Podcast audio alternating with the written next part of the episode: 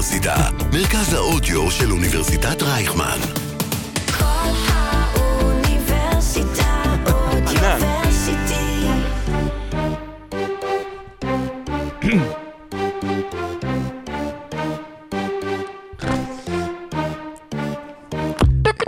לפני ארבע שנים נפגשנו אה, בפעם, לא בפעם הראשונה, אבל נפגשנו פעם, פעם הראשונה באולפן, שרון ואני, זה היה אולפנים ברחוב הרב קוק, מותר להגיד איפה זה? של אה, אולפן הרצליה? קומה שלוש, אוף טוב שתיים. כן, אה, וזה היה ממש אחרי מותו של קובי בריינט, שהיינו בהלם, וידענו שאנחנו הולכים להתחיל את הפודקאסט של עושים NBA בעוד שבוע, אבל לא יכולנו להישאר אה, כמובן אדישים. ואז הוקלט לו פרק הראשון של אה, עושים NBA בפוד בשירות אה, מלכותה, שהפך גם לבשירות מלכותו, והיה גם במקרה פרק 81. אז ארבע שנים אחרי, 81 כפול 2 ועוד 4 שווה 166, והיום פרק 166 של עושים NBA. והנה אנחנו פה שנינו שוב, לבד, ייי! נורא חזק, תמיד, אני כן. עוד פעם זה חזק? נורא חזק לי. כן, עכשיו אני רוצה להגיד שאני שמח להגיד שארבע שנים אחרי אנחנו שוב פה, עדיין פה, עדיין עדיין פה פה, ביחד, כן, שרדנו. ובלי אף אחד. לעומת אה, כן. לעומת מי? משה. אתה לא יכול להחליף קצת? אני מחליש עוד.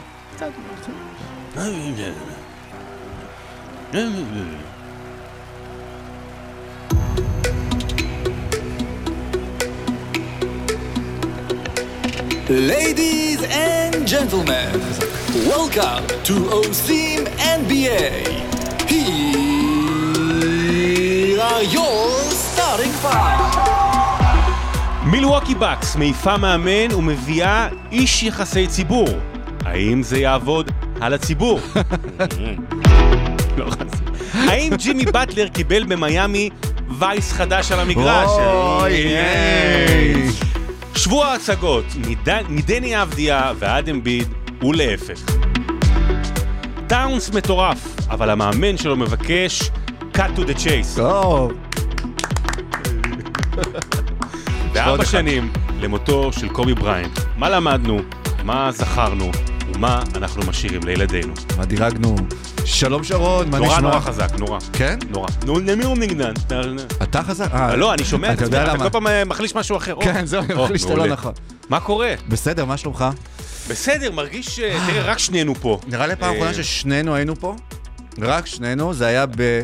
עשינו על אה, יוטה. על יוטה, נכון? על יוטה, על נבחרת יוטה. החלומות גם נראה לי, לא, עשינו גם על נבחרת החלומות. ואז היה על יוטה, ועל שוק מחנה יוטה. וזה היה בדיוק אז, ותראה את יוטה, היא מאז... אה, האמת שמאז פחות, כי כולם עזבו, זהו, רק כן. מיטשל וגובר. מה קורה? בסדר. איך זה- מרגיש לך? אוורירי יותר, נעים יותר? גם במסך, למי שצופה במסך, אני מרגיש כאילו יותר space, אני בטוח שיש בי עכשיו. אני חנוך. רוזן, אתה יודע. נמתח. מרסל אה, מרסו. קודם כל קשה בלי סורוקה. אתה יודע, נכון. אנחנו נמציא פה כל מיני דברים. כאילו, אני לא יודע אם אה, הכל יהיה נכון. אה, גם אין אה. מבוגר אחראי. ואין מבוגר מאוד מאוד זקן כמו משה. אני אגיד משהו קטן על משה. כיף שהוא לא פה, אני אסביר לך למה. צריך להבין, אה, אגב, אתה זוכר את, אולי המאזינים הצעירים שלנו לא מכירים, אתה זוכר את הסרט האלמותי, האח של דריקס? אגב, זה הפעם היחידה נראה לי שאני הכי מבוגר באולפן, כשזה רק אתה ואני, כן. בטח שאני זוכר עם טל פרידמן. אוקיי, האח של כן. דריקס, למי שלא מכיר, זה על בחור אה, דתי, קצת חנון כזה, שלא כל כך מסתדר, מגיע לצבא, ואנחנו כולם יודעים, בבסיסים מסוימים זה יכול להיות מאוד מאוד קשה. וזה כור ההיתוך של החברה והוא לא הישראלית. מסתדר, ויורדים עליו, ולוקחים לו דברים, ואיכשהו נוצר איזשהו מצב שמישהו חושב, רגע, רגע, רגע, אתה אח של אלי דריקס, ואז מצבו החברתי משתפר. זה גם מה שמשה המציא. אז הוא לא באמת אח שלי, הוא המציא את זה, הוא לא. אז הוא מה? זה ככה משפר לו את החיי חברה. אני שמתי לב. חזק בעולם. רבע ראשון. גמרת לי את האוזניים, גמרת באמת, לי. תשמע, אולי יש לך בעיית שמיעה. לא, אתה ממש חזק, תוריד את כן, ה... למה אני לא... למה אני? אתה לא פעם חייב מוריד לך, אני. שומע. אני... אוקיי, זה לא יהיה עוד פעם ככה. אז אה, אנחנו, כיף לי משה, ורק נגיד, ביקשנו ממשה לא לבוא. כי היום אנחנו נציין בפרק הרביעי, ארבע שנים למותו של קובי כן, בריינט, אז אנחנו רוצים להשאיר את זה, כאילו ש... אנחנו רוצים להישאר להקליט טובה. פה גם, כן, ושלא יסגרו אותנו. אגב, אז, בזמנו, לא הייתה רוח טובה בגלל זה. לא משנה. יפה. טוב, אז כן. אנחנו בפרק 166 של עושים אין בייל, אתם לא מאזינים ללא כוחות, אתם לא מאזינים לבשירות אה, עוד מלכות האור. תתבלבלו. כן, אתה- לא, אני אומר את זה בשבילך, שלא תתחיל... לא מדברים היום על שלא או על... פתאום תעלה אה, בפוסטים לא נכונים. כן, אפשר לדבר עליהם גם, אפשר אה, לחבר... האמת שדרור קשטן אפשר לחבר לנושא הראשון שלנו. כן, אז uh, כבוד המאמן, uh, אדריאן גריפין, מפות... השבוע, הסיבה שאנחנו מקליטים היום ולא מחר ביום שישי היא, א', כי יש מחר לא, יום, יום פתוח, לא, אני גם- עכשיו אה, ברייכמן, כן, גם אין ואז לא היה לנו. חנייה, האולפן, אבל גם היו כל כך הרבה חדשות כן, אה, שלא רצינו אה, להשאיר מאחור, ו... uh, טריידים, אבל אה, אולי החדשה, חדשה, נכון? כן. אומרים חדשות, כי news באנגלית זה, אין כזה דבר. ניוז זה הרבה בר- דברים חדשים. news זה ברבים. ו- אבל אין- אין כאילו new ו news. ו news זה חדש. חדש כן, או חדש או כי חדשה. פעם אמרו שזה north east, west, south. אה, זה שאדריאן גריפין מפוטר מפילדלפיה, אחד מהמאמנים עם אחוזי ההצלחה הכי גבוהים שמפוטר, שבמקרה ממש לפני כמה? אה, שמונה שנים, בדיוק ציינו ביום שגם קובי ציין 81 שנים, אה, זה היה דיוויד בלאט. שפוטר כן. על ידי לברון, שלא היה נראה לי את המאזן אולי הכי טוב, מעל 75 אחוזים, אדריאן גריפין מפוטר עם מאזן של מקום שלישי, אם אני לא טועה. 31, 10? 61. לא, אה, כשיהיה 31 31, מבחינת אה, המאזן. כן. 10. אה, אגב, אני זוכר את היום שדויד גלט פוטר, דויד גלט. זה כאילו דויד הקשר. זה כשהוא מאמן בליגת בבתי כנסת. כן, בישיבה. ש- אה, אז אה, אה, הכרנו, היינו ביחד בליגת פנטזי, ועשינו איזושהי מתיחה שם, אתה זוכר בקבוצה, שכאילו אתה יצאת מהקבוצה ואמרת, זרקו אותך מוויינט, כאילו כן, הגבת מהר, כי היית עסוק בהתכתבות בקבוצה. אנחנו נדבר על בלאט תכף. והשאלה היא רק אם במקרה הפעם כמו אז, כי אז הייתה הרבה האשמה מוצדקת אולי ללברון אה, בסיבות שהביאו לפיטורין. טיירון לא מונה אחר כך והביא עונה אחר כך אליפות ל- באותה עונה. לקליבלנד, וסליחה, באותה עונה. והאם אה, הפעם גם עומד שחקן אחרי הפיטורים? קודם כל כן. קודם כל כן. אנחנו נדבר תכף על ההבדלים בין הסיפור הזה של גריפן לבלאט, ו- ויש הבדלים שדווקא הולכים אה, ל- לזכותו של בלאט. אבל אני רוצה להתחיל מהנקודה הכי קטנה שיכולה להיות. זה נושא ש- שדיברנו עליו ב- לפרקים קטנים לפני שנתיים, שלוש, וזה כל פעם צף אצלי, ואני אומר, מה, אני אגיד את זה שוב? אנחנו נחזור על זה שוב, אני שוב אהיה בומר, ואתמול סורוקה בהתכתבות שלנו העלה את זה, ו... אתה יודע, באים לומר, זה מתחיל ונגמר שם. לא, זה לא מתחיל ונגמר שם, אבל זה נגמר שם. ואנחנו כבר יודעים מזמן שזו ליגה של, של שחקנים. ואם רצינו לקבל דוגמה, זה לא מה שקרה עכשיו, אלא עד כמה אנחנו לא מופתעים שזה קרה עכשיו. כבר אין אפילו את העניין של מה, ואיך זה יכול להיות, ועם המאזן הזה. זאת אומרת, אנחנו כבר רחוקים משם. אז זה כבר המצב שבו אנחנו נמצאים. אבל, אתה יודע, זה נגמר ב- לפעמים בנראות, וזו, וזו הרי ליגה של נראות. לפני, מה זה היה, שלוש שנים, שלוש שנים וקצת, אה, וחצי, אה, החליטו שמותר למאמנים לבוא עם האימוניות אה, של זה. לאימוניות של הקבוצה. אה, זה היה כחלק מהקורונה, סליחה, וה, והבועה, ו... אתה יודע, זה מאוד נוח, ואני אני יכול להבין, אתה בכל זאת 82 משחקים, חליפה זה לא תמיד הכי נוח. בחליפה, לא משנה מי, לא משנה מה, לא משנה מה המאזן שלך, לא משנה מה המשקל שלך, אתה תמיד נראה מכובד. Mm-hmm. חליפה ועניבה. אלה מאמנים שכשאנחנו התחלנו לראות כדורסל, אנחנו גדלנו פעם, פטריילי, מה, תחשוב, איך פטריילי היה בא לכל משחק, לגמר NBA ולמשחק מול היריבה הכי חלשה בליגה, אותו דבר, עם ג'ל משוח לאחור, ועם חליפה, ועם עניבה, ושלושה חלקים, והכל מתוקתק ומדויק. ועכשיו כשהם באים באימוניות, אתה יודע, הם נראים, סליחה על הזה, הם נראים כמו אחד שעכשיו מנקה את, ה, את, את הפרקט. יש משהו בנראות שמוזיל עוד יותר את, את, אה, את כבוד המאמן בליגה. וכבוד המאמן בליגה הוא בתחתית של התחתית, ויש לזה אלף ואחת סיבות, אבל אני דווקא מתחיל איתך זה לא עם תלוי הדבר- איזה מאמן עם אתה, הדבר אבל? הקטן הזה, ברור שהכל תלוי, כאילו, ובסוף, אתה יודע... פופל לא היה עובר את זה. מי? בלי- עם אימונית, אם הוא גם היה עם בוקסר וגופייה מגיעה, פופ הוא לא היה מקבל את ברור, היחס ברור, הזה. ברור, ברור, ברור, זה לא, אני לא אומר, זה, זה, זה רק בסוף, אבל, אבל זה התחושה שזה משדר החוצה, גם לשחקנים, אוקיי? וגם, וגם לאוהדים ולקהל והכול, ואני ממש הייתי רוצה, כדי להתחיל לבנות שוב בחזרה את מעמד המאמן, אם בכלל הליגה רוצה, אני בכלל לא בטוח שהיא רוצה לבנות, כי, כי, כי היא הלכה לכיוון אחר, קודם כל להתחיל בזה, להחזיר את החליפות, להחז, להחזיר את הכבוד למאמן. אני צודק, אתה צודק במיליון אחוז, לי זה ממש מפריע שזה נשאר ככה. שוב, אתה רגיל לראות מאמנים ביורוליג, ביורו-קאפ, ב... לא משנה, מאמני כדורסל, כדורגל, עם חליפות, שזה מאוד מכבד. הייתי מצפה לפחות מהליגה גם, תמיד ב-NBA Finals, אני אומר, אולי אז הם יגידו למאמנים, תבואו עם חליפות, תכבדו את האירוע הגדול הזה, ודווקא זה משהו שהם לקחו מהפוטבול. זה נראה כמו פיג'מה, אני ככה, לא, שם, אני אה, ככה, כשאני קם בבוקר, אני ככה לבוש. וזה מצחיק, זה גם הפוך ממה, כל מה שדייוויד סטרן בזמנו עשה הפוך, הוא אמר ל- לשחקנים, קוד לבוש. בדיוק, קוד לבוש, אז למה פתאום זה... אני אקח כאילו אותך אפילו... נעלם, להיות- וגם רודי ג'וליאני נראה לי עשה את זה כש... ראש עיריית ניו יורק. כן, כשהוא, הדבר הראשון שהוא עשה, שזה היה בשיקגו, סליחה, אני לא זוכר מי היה ראש עיר, אולי זה היה גיורא. לב בפתח תקווה בשנות ה-80, אבל הדבר הראשון שהוא עשה, זה הוא אמר, בואו נתקן את כל העיר, כשהייתה מלאה בפשיעה, ונחליף את כל ה... אה, זכוכיות, את כל החלונות ראווה שמרססים עליהם ושברו אותם, כדי שפשוט העיר תראה מקום נחמד ונוח להגיע אליו, כמו מגרשי כדורגל אגב בארץ, שמאז שיש מתקנים חדשים, יותר כיף, או אולמות כדורסל, יותר כיף להגיע, יש פחות אווירה אלימה נכון. ברוב המקומות. גם האצטדיונים של כן. הכדורגל, אתה אתה כן. יותר מכבד, יותר כיף משפחות להגיע, ואני רק רק אסכם את הנושא הזה.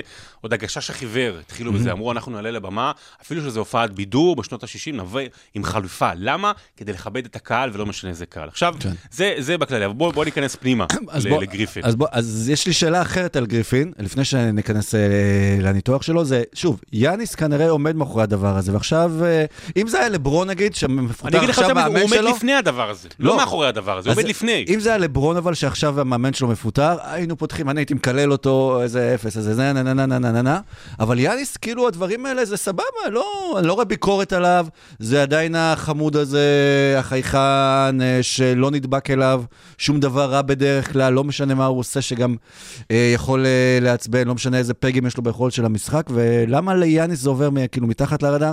לברון כולם מדברים עליו ועל זה שעל הבן שלו רוצה לשחק איתו, וכאילו, והוא שולט בקבוצות, ויאניס מחזיק את אח שלו שיכניס לו, אה, ירחיב לו את הנחיריים, ו- וזה עובר בסדר, אה, ולאח שלו מותר דברים, וכאילו... זה כי- כמו הילד בכיתה, אתה יודע, שמקבל הנחות מהמורה. כי ליברון משך אליו את האש כל השנים. ליברון עשה במהלך השנים דברים שמשכו אליו הרבה מאוד uh, שליליות, ויותר מזה, הוא היה הראשון. הוא היה מהראשונים, זאת אומרת, שעשו את הדברים האלה. ואז, ככל שהוא... רגע, הראשון עשה את זה, הוא מקבל הרבה, ואז שני ושלישי, ואז אוקיי, ואז כבר זה הגיוני. זו ליגה של שחקנים. זו ליגה שאם המאמן לא מסתדר עם השחקנים, הוא לא יהיה שם. זו ליגה שבה פתאום זה הפך להיות הגיוני בשנים האחרונות, שלא לקבוצות טובות יותר, טובות פחות, באים אה, מאמנים אה, לא מנוסים, אלא לקונטנדריות. למי, אני באמת, אדרין גריפין, על פי הדיבורים, היה עוזר מאמן מאוד מאוד טוב, ומילווקי עשתה פה איזשהו הימור, אבל לקבוצה שעוד לפני שדמיאן לילרד מגיע, והיא קונטנדרית, להביא מאמן שהוא חסר ניסיון, שהוא לא יודע את ה management מול אנשים, בטח מול כוכבים גדולים. כשאדרין גריפין הגיע, הוא כבר ידע, כבר זה התנהל, שדמיאן לינארד עומד להגיע. זאת אומרת, הוא הגיע לקבוצה אלופה. רצית את ההבדל מדייוויד בלאט? דייוויד בלאט, כשהוא הגיע ל- ל- לקליבלנד, הוא הגיע לקבוצה שאמורה לבנות את עצמה. זה היה לא הוגן מבחינתו של, של דייוויד בלאט, ואתם יודעים מה? הוא עשה באמת את המקסימום. אממה, הוא, הוא, לא יד, הוא לא יודע איך להתנהל מול לברון, כן. וקווין לאב הגיע, וקיירי, ועכשיו אנחנו מבינים כמה זה קשה. ואדרין גריפן גם, היה אמור לבוא לשם עם מספיק אה, ביטחון וחזה מורם כדי להתמודד עם, עם, עם שחקנים כאלה. והיה מקרה, דיברת על יאניס, היה מקרה לפני, אני חושב שזה היה לפני חודש, מול בוסטון, שאדרין גריפן הוציא אותו, ויאניס לא הלך לספסל, הלך ישר, הלך ישר וישב על, אה, על, על ספסל, על כן. המזכירות, כדי להיכנס פנימה. אתה יודע, זה יוסי בניון, נכון? לפני 25 שנה, זה וואו, מה. קורה?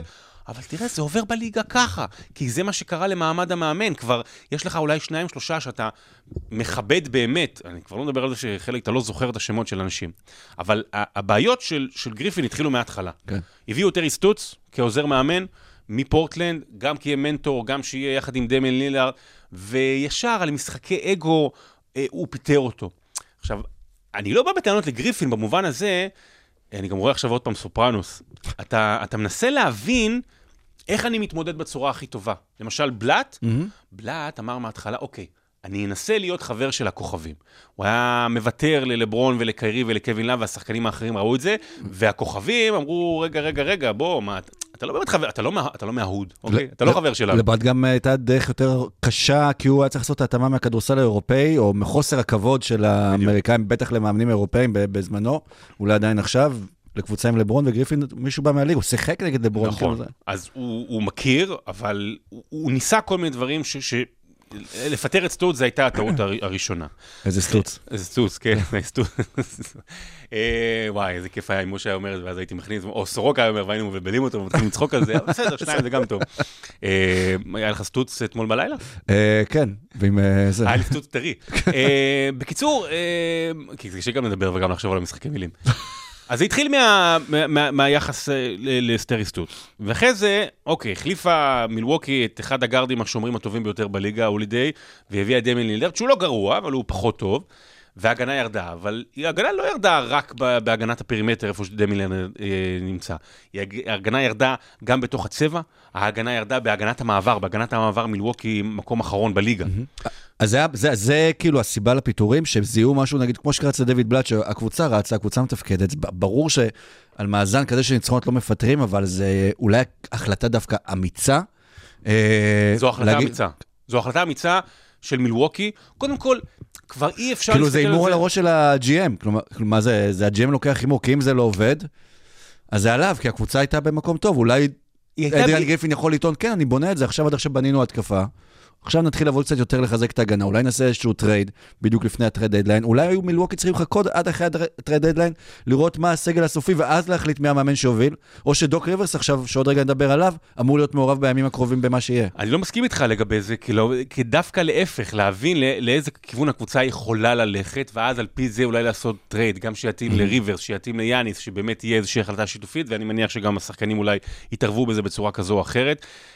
מילווקי בסופו של דבר עשתה החלטה אמיצה, ואני כן מכבד את זה, אה, במובן שהיא הבינה, רגע, רגע, דברים לא עובדים. וזה לא משנה אם התוצאות היו טובות במקום שני, ראינו את זה. זאת אומרת, גם לא בתוצאות, גם במשחקים שניצחו, ראינו את הכעס של יאניס, ראינו שהשיתוף פעולה בין יאניס לבין דמיין לילארד, לא שהוא לא עובד, הוא לא קיים מספיק. וכנראה שבתוך הכימיה הזו שנוצרה בתוך הקבוצה, צריך מישהו עם יותר גב. ומביאים אז את דוק ריברס, שזה מאמן שאנחנו יודעים שהוא choke, choking בכל uh, סדרת פלייאוף משמעותית שהייתה לו. אולי היה שווה גם הרבה אומרים להחזיר את בודנהולזר, שלפחות uh, היה מוכח עם, uh, עם אליפות שהביא למילווקי. כאילו, דוק ריברס זה, מתחיל להיות מעגל כזה, גם כמו בישראל שמאמנים, שהולכים להיות פרשנים לרגע, ואז חוזרים uh, להיות כן. מאמנים. אבל הבחירה דווקא בו, שהסיבות לפיטור של אדריאן גריפין ולהביא את דוק, זה כאילו, זה לא מסתדר. זה מה, זה בגלל שהוא היה פנוי? זה בגלל שאולי יאניס ירכוש לו יותר אה, כבוד? כי בפלייאוף, אנחנו יודעים שזה לא עובד בינתיים.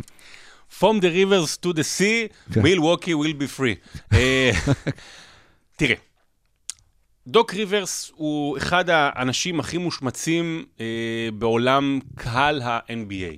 זאת אומרת, אה, אנחנו באמת הפכנו אותו לסוג של, לא אגיד בדיחה, אבל מאמן מאוד מאוד מושמץ, בגלל אה, גם כל מיני דברים שהיו רואים בפסקי זמן, שהוא כזה כן. לא, לא אומר שום דבר, וגם בגלל הכישלונות, הכישלונות החוזרים בגלל ונשנים. הצרידות שלו, שאי אפשר לשמוע אותו. בוא נשים דברים בפרופורציה. כן. דוק ריברס, מבחינת התוצאות, ובסוף תוצאות הם הדבר הכי חשוב, אחד המאמנים הכי מצליחים, אה, בטח בעידן המודרני של הכדורסל, בדור האחרון של הכדורסל, חוץ מפופוביץ', אני חושב שיש לו אה, הכי הרבה עונות, אה, מהמאמנים הפעילים, הכי הרבה עונות של winning, כאילו של מעל 50 אחוז של עונות. כי היה לו אבל גם קבוצות מתאימות, אימן את הלוב סיטי של הקליפרס, שלא הגיעו לכלום, בוסטון, קח רק אליפות אחת. אני- הייתה אליפות מדהימה, אבל עדיין עם ה big 3, ופילדלפיה זה לא עבד, וכל מקום. זו הראייה הרחבה, והיא נכונה. זאת אומרת, אני למשל רואה את השנים שלו כקליפרס, בקליפרס ככישלון. הם, הם כן. לא הגיעו אפילו לגמר, אני כבר לא מדבר על, אה, על זה, וגם בפילדלפיה, שזה היה נראה שיצליח, זה לא הצליח. דוק ריברס בנה את הקריירה שלו ונשאר כל כך הרבה שנים רלוונטיים, אה, רלוונטי בגלל שם אחד, דונלד סטרלינג.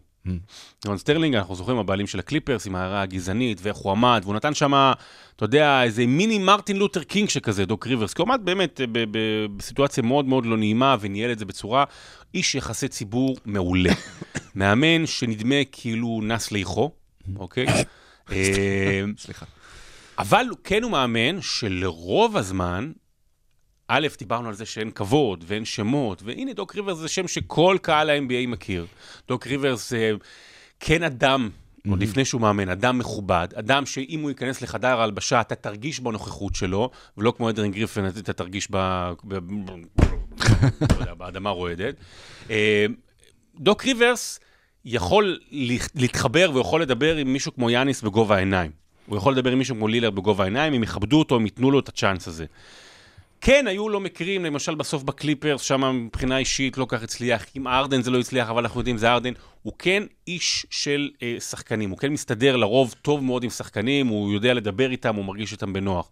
וכנראה, לוצקי, שזה מה ששחקנים רוצים היום. הם רוצים אה, חבר, הם רוצים מישהו שאפשר לדבר אז איתו. עכשיו בשבילו הם ישמרו? כי כאילו, אם דוק ריברס אמור לבוא ולשפר אז את ההגנה שלהם, אם זו הייתה הבעיה אה, עד עכשיו, אבל זה בסוף השחקנים ששומרים, זה הקבוצה, כמו שאתה אומר, שוויתרה על גארד שומר והחליטה ללכת לכיוון של דמיאן לילארד, זה הקבוצה שפחות ממש מתפקדת מבחינה הגנתית. התקפית משהו אחר, וזה לא המאמן אולי להכין אה, את הקבוצה לסדרות פלייאוף, בטח ב... אנחנו עוד מעט נדבר בהמשך על היריבות שמחכות להם שם, שעושות עונות היסטוריות מבחינה התקפית, מהבחירה שבהם גם לרביעית והחמישית שבהם. דוק זה האיש? לא, אוקיי. אבל זה יכול להיות יופי של סיפור. זאת אומרת, תראה, יש המון המון כישרון במילווקי. אמ, לא בעיה לנצח משחקים ממילווקי, בטח בעונה הסדירה. מילווקי, גם אם היא ילך לה יותר טוב, פחות טוב, היא תסיים כנראה בשלישייה, רביעייה הראשונה. יהיה לה את היתרון באיטיות, כי יש לה את אחד השחקנים כנראה הגדולים בהיסטוריה, ולילארד... שאחד- חולה על ברוק לופס. כן, כן, ו- וברוק לופס נהדר עדיין, ואחד השחקנים שהוא לא, שהוא מעולה, אבל הוא לא אחד מה-75 הכי טובים בכל הזמנים, דמן לילארד, אבל הוא כן שחקן מעולה ועדיין בכושר, ו- ויש שם, אבל החליטו ללכת על אחד ושתיים עם uh, לילארד ומליק ביזלי. אגב, אתה יודע שדוק ריברס, ראיתי נתון שהוא אימן, אה, נראה לי, אני חושב, אה, רבע משהו, אני אמצא עוד שנייה. רבע מה-? נתון ברבע? מהשחקנים, אה, רבע מהשחקנים מה-75 בליגה? השחקנים הגדולים בהיסטוריה שעברו דרכו, אני עוד מעט אמצא. והגיוני, הוא לא, שיחק זה לא איתם הגיוני. אולי, לא, זה לא הגיוני שהוא אימן לא, אותם, זה הוא לא הגיוני. הוא אימן בשתי קבוצות גדולות, היה באורלנדו, אפילו טימק, אני לא, חושב תמשיך את. מה שיש לך להגיד לך. אני לא, כן, אתה מחפש. אה, אני לא חושב שדוק ריברס הוא הפתרון, אה, אבל זה מה שהם צריכים כרגע, זה מה שהם רוצים. הם כן הלכו על בן אדם שהוא מכובד, ואז אה, זה ייתן איזשהו נופח בחדר ההלבשה, כנראה שזה מה שהיו צריכים. שיהיה מישהו שאם הוא יוציא את יאניס, אז יאניס יגיד, רגע, רגע, רגע, טוב, דוק ריברס הוציא אותי, בוא נשב, לפחות ניתן לו את הכבוד בהתחלה. אה, וכן, יש לו, יש לו charm, יש לו כריזמה לדוק ריברס, כשהוא מדבר עם אנשים, כשהוא מדבר עם ה general manager, הוא מצליח להקסים אותו. אין הרבה יותר מדי גם אופציות אחרות, לחזור לבודנהאוזר זה עכשיו להודות בטעות. ניק נרס הם פספסו בקיץ, לדעתי זו הייתה הבחירה הנכונה, עוד יותר יכולה להיות. מילווקי רואה את המזרח מסביב מתחזק, תכף נדבר על זה.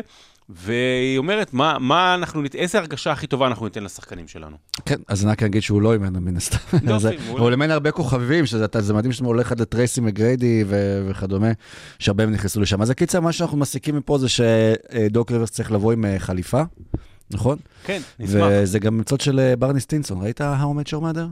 אה, כן, אני לא עם אוהב את זה כל כך, כן, אתה כן. לא אוהב את How לא- I Met לא Your Mother? לא, הוא ציני מדי בשבילי.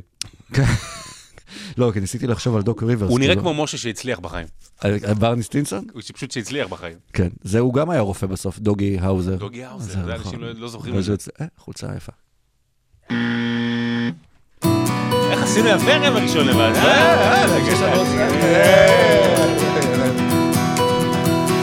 רבע שני. מי צריך את משה שיתחיל להגיד, מה, שיפצתי את הבית, שמתי קירות גבס.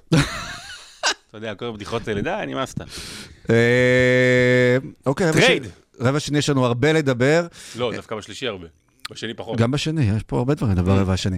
אה, אז דיברנו על, אה, על מילווקי ועל דמיאן לילארד, קבוצה שפעם רצתה את דמיאן לילארד, זו שדובר עליה גם שבוע ב free agency או בטרייד, זו מיאמי היט. במקומו היא מביאה עכשיו, אה, בימים האחרונים, את טרי רוזיר משארלוט. איך אומרים, רוזיר או רוז'יר? רוז'יר, זה תלוי מאיזה אזור אתה בצרפת. מז'ז'ו. מז'ז'ו. המז'ור. והיא מביאה את טרי רוזיר, או רוז'יר, שאם אתה מסתכל על הנתונים שלו העונה, הוא שווה אפילו טיפה מעל דמיאן לילארד, אז יכול להיות שמיאמי הרוויחה את הדמיאן לילארד שלה, וגם אולי הרוויחה אותו במחיר, מה שנקרא, בנזיד עד- עדשים. פט ריילי הוא גאון. הוא באמת באמת גאון. משוך אתה יודע, בג'ל. הם לא... הם- הם- אתה זוכר את הטרייד הגדול של מיאמי עם, אה, עם שאקיל, שבאמת זה היה בטרייד הכי גדול, כמה ארבע קבוצות, ועברו מפה ועברו משם, כאילו טריידים ששינו את הליגה. אז זו דרך אחת לעשות טריידים, אבל למיאמי אה, אין הרבה נכסים, זאת אומרת, אין הרבה נכסים. שהיא רוצה לוותר עליהם כמובן, היא לא תוותר על באטלר, ביו, אה, גם, גם על טיילר אירו וכזה, אני לא חושב שהיא רוצה אה, לוותר, גם אין לה יותר... בקיצור, היא, היא, לא, היא לא רוצה לא מוותרת. לוותר יותר מדי, ואם, ואם לא אמרתי, אז אני, הזה, אז אני אני אדגיש. לא מוותר, לא מוותר, כי אני לא מחנונים, לא מוותר. זה הלהיט הראשונה של הדג נחש. כן? אני לא מוותר כי אני לא מחנונים, מחנונים, לא מוותר, לא מפחד מהסיכונים, לא מוותר, לא מוותר. לא מוותר, כן, לא מוותר. אז זה מיאמי. ומזי כהן. אה, אז זו מיאמי. ומיאמי מצליחה אה, לעשות אבל טריידים מאוד מאוד מדויקים. על פניו, אתה יודע, קייל לאורי, היו איזשהו תקוות שזה יצליח, שזה יתחבר, זה לא ממש עבד, והעונה בכלל, באמת, הוא הלך והתפייד. והצליחו ב- בלא יותר מדי, מה זה היה, לאורי ועוד בחירת סיבוב ראשון, מובטחת, לא מובטחת, כל הדברים האלה שסורוקה ומשה נורא נורא מבינים בהם ואני לא סובל את זה. הם מצליחים להביא גארד שהיה רוצה, או הצליח, היה בקבוצה גרועה הרבה מאוד שנים, ששיחק הרבה פעמים מפחד, בקבוצה שהרבה פעמים קורה בה hero ball, שכן אה, ניפח קצת את הסטטיסטיקה שלו. ו... אבל שחקן שהוא טוב מאוד ב catch and shoot, שחקן שיכול לתרום מאוד גם לשלוש, אבל שחקן שגם יכול ליצור את המצבים, ושחקן, וזה בעיקר, שאני חושב, יתאים לו עכשיו להיות האופציה השנייה, השלישית, לפעמים גם הרביעית בהתקפה. זאת אומרת, אתה יוצר איזשהו טריו, נגיד את זה כך, אדבאיו, רוז'יר וג'ימי באטלר, אבל זה לא טריו של, של גלקטיקוס כזה שכל עכשיו רוצה את הכדור, ולמי ימסור, ולמי כי ייתנו. זו גם מיאמי, שזה זה לא אנשים, התרבות שלהם שרוצים ודורשים את הכדור, כי בסוף יש לך איזה חיימה אחד שהוא מבין כאילו כמה התמזל מזלו להגיע למיאמי. ולפאט ריילי, וכמה שהוא... ולספולסטרה. ולספולסטרה, וכמה שהוא אה, יכול אה, להיות אה, כוכב, או שיש לו את הפוטנציאל להפוך לכוכב, הוא יודע את מקומו, יש לך את ג'ימי באטלר שם, שהוא סופרסטאר לכל דבר ועניין, אם הוא רק היה רוצה להחצין את זה יותר, או שאם התקשורת הייתה רוצה להחצין את זה יותר, אז הוא היה צריך להיות ברשימה של הגדולים.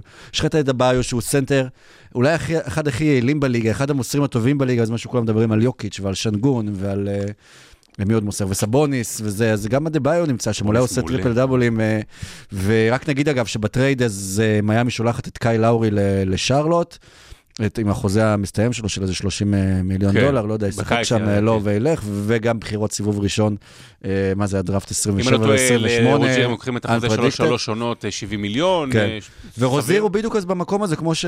כמו שהזכרת, הוא לא מישהו שדורש את הכדור, הוא שחקן שהוא יכול ל Scary Terry לקחת ברגע ולשנות את המשחק ולהשתלט עליו. הוא בדרך כלל ידוע בשרלוט אה, בתור מי שכשלמלו פצוע, ככה זה התחיל, אז הוא עולה ונותן מספרים מטורפים, ואתה אומר, או, עכשיו אני צריך להרים אותו בפנטזי עד שלמלו יחזור. עד שהוא מצא את המקום שלו ליד כוכב גדול, וזה אולי היתרון הגדול של מיאמי. שגם יש לה גם אה, חמישייה ראשונה מאוד חזקה, וגם חמישייה שנייה מאוד חזקה, ופתאום היא נראית כמו קבוצה מאוזנת ומורכבת, אה, שעכשיו תתחיל להתכונן לפלייאוף ולהיות מיאמי של הפלייאוף, ששם אה, מרוויחה כמובן עוד שחקן, ג'ימי באטלר של הפלייאוף. איזה מדהים זה שאתה... הרי מה קורה פה בפוד בדרך נו. כלל? מישהו, מישהו מדבר, ויש איזו מילה שנתקעת לי בראש, ואז אומר, רגע, מתי אני אגיד את הבדיחה, מתי אני אגיד... מדברים, מדברים, מדברים, אני כאילו שומע, לא שומע, ואז אני בא לומר, אוקיי, מה היה קורה בחצר המלך של רובין הוד? מישהו היה שר לנסלוט, ואז שר לוט, לא משנה, ואז זה נורא, זה נורא לא מצחיק בדיעבד. אה, אתה צודק מאוד, ואנחנו נצחק בזה. ובדיוק, ו- אבל, אבל יותר מזה, אני אגיד, הייתה לי רוז'יר, שפתאום כיף לו, והוא, והוא כן ירצה להסתגל, אגב, הוא מרווח פתאום, פתאום נותן לו אופציה. אז יש לך דנקן רובינסון, ויש לך טיילר הירו, אה, חיימי כשהוא יחזור מהפציעה שלו, ואגב, באטלר לא כל כך טוב העונה, בטח במשחקים האחרונים, וגם מיאמי ברצף של ארבעה הפסדים, אבל למיאמי יש את, ה, את, ה, את המתג הזה, המתג הזה שהיא לוחצת, והיא יכולה להדליק, והיא אומרת, אנחנו עכשיו נכנסים לתוך מוד פלייאוף, אה, ואתה יודע, ראינו את זה בש- בשלוש-ארבע שנים האחרונות, כאילו פתאום, אה, כל פעם מפתיעה, כל פעם כאילו מפתיעה אותנו, היא כל פעם מפתיעה אותנו בזה שהיא לא בוושינגטון יש את מפתיעה אותנו. מכיר שזה נדלק כשאתה עומד בחוץ לחדר, נדלק, עוד לא נדלק, ככה זה בוושינגטון כבר 50 עוד- שנה. עוד לא, זה נדלק, עוד לא לא, זה, אז לא. מה זה עושה? אה, וכיף לו לטרי רוז'יר, נכון, הוא יקלע פחות, הוא יזרוק פחות, הוא יהיה פחות אפקטיבי בהתקפה, אבל הוא הולך לקבוצה מנצחת, הוא הולך למועדון שיש בו ערכים של ניצחונות, למועדון שהוא יוכל, אתה יודע, להתחבר ופתאום להגיד, רגע, אני לא סתם משחק בקריירה בשביל לשחק, אני משחק בשביל לנצח גם. אז על- חוץ מהערכים סטרלינג, רק אה, כאילו נבין, חמישייה פוטנציאלית של מיאמי עכשיו, אז אה, טרי רוז'יר, טיילר הירו, אה, ג'ימי באטלר, באם אדבאיו, כנראה אולי ניקולה יוביץ', וזה שם לך... שזה- ניקולה יוקיץ' מעלי אקספרס. כן, שהוא אפילו יותר מעלי אקספרס, יכול להיות שזה ניקולה לא, יוקיץ' יחסית מבאג, או לא. יודע, משהו כזה. אה, וגם חמישייה שנייה נהדרת עם, אה, עם חיים ועם דנקן רובינסון, אני לא יודע, תומאס בריינט, אה, קווין לאב, קיילב מרטין. קיילב מרטין, זה גם תוספת מאוד מאוד זה- יפה. זה קבוצה פנטסטית. זו קבוצה מאוד מאוד מאוזנת, אין, אין הרבה יותר מדי קבוצות מאוזנות כאלה. אה, ייקח עוד כמה משחקים, אני מאמין שהם ימצאו את הדרך שלהם, ג'ימי באטלר צריך להמשיך להיות אה, אה, אה, כשיר, והמזרח הוא חזק. והמזרח, מה שקרה בחודש האחרון, הוא התחזק עוד יותר. זאת אומרת, יש כמה קבוצות שמוכרות נכסים, טורונטו, נתנו את סיאקם לאינדיאנה, אינדיאנה התח- התחזקה. אנונובי לניקס, הניקס התחזקו, הוא מדהים בהגנה, כן. הוא ממש, הוא הוא תפור לקבוצה הזו. יש גם דיבורים על ברוקדון, זה קטע שאינדיאנה, כל טרייד שהיא עושה, הוא טרייד טוב לכולם. לכולם, כן. כן, טוב, כן, בוא נראה שזה, סיאקם עוד לא נכנס בדיוק שם, נראה גם הליברטון עדיין אה, עם אה, אה, שריר תפוס. ועכשיו מיאמי גם מתחזקת על חשבון שרלוט, אז פתאום לא רק בוסטון ומילווקי מפחידות, מה קורה עם אורלנדו, פתאום מיאמי, אינדיאנה, אה, פתאום יש... קליבלנד. קליבלנד, כן, קליבלנד בכלל, מיטשל כן. מדהים. אה, יש לך 6-7 קבוצות במזרח, ואתה לא תופתע, אולי חוץ מאורלנדו, מאף אחת, מאורלנדו ואינדיאנה, אף אחת לא תופתע אם היא מגיעה לגמר. מדהים, ושרלוט זה נראה שוב שבדרך לעוד במכירת חיסול, לא יודע לאיפה הקבוצה הולכת, אבל יש שם אולי הרבה שחקנים פוטנציאליים שיכולים, אה, לא יודע, לעבור בטרייד ויכולים למצוא להם אה, מקום. אה, קהלרי יכול להיות שיתקדם.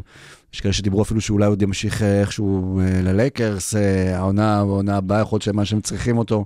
פי.ג'י וושינגטון, ניק ריצ'רס, מיילס ברידג'ס, אה, באזור שכאילו לא ליד נשים, אה, ואיש סמית, שכאילו לא עבר קבוצה. איזה שבועיים, שלושה. כן, זה. תשמע, אני, יש, יש שם כמה נכסים סבירים, אני חושב שאם יש איזושהי קבוצה שמחפשת, לא big man, אבל אזורי ה big man, מחפשת קצת נוכחות בצבע, אני מאוד מאוד הייתי מנסה ללכת אה, על, על מישהו כמו פי.ג'יי וושינגטון. פי.ג'יי וושינגטון, קצת כמו רוז'יר, אבל אתה יודע, כפורוורד, פאוור פורוורד, יש לו את המשחקים הללו שהוא יכול להיות טוב בהגנה ובהתקפה ביחד.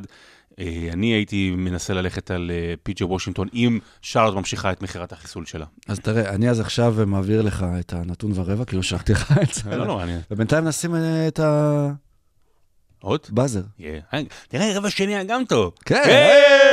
אה, מתקדמים, לך הביתה, מוישה. אנחנו מקבלים חוזה לעוד לך רבע. הביתה.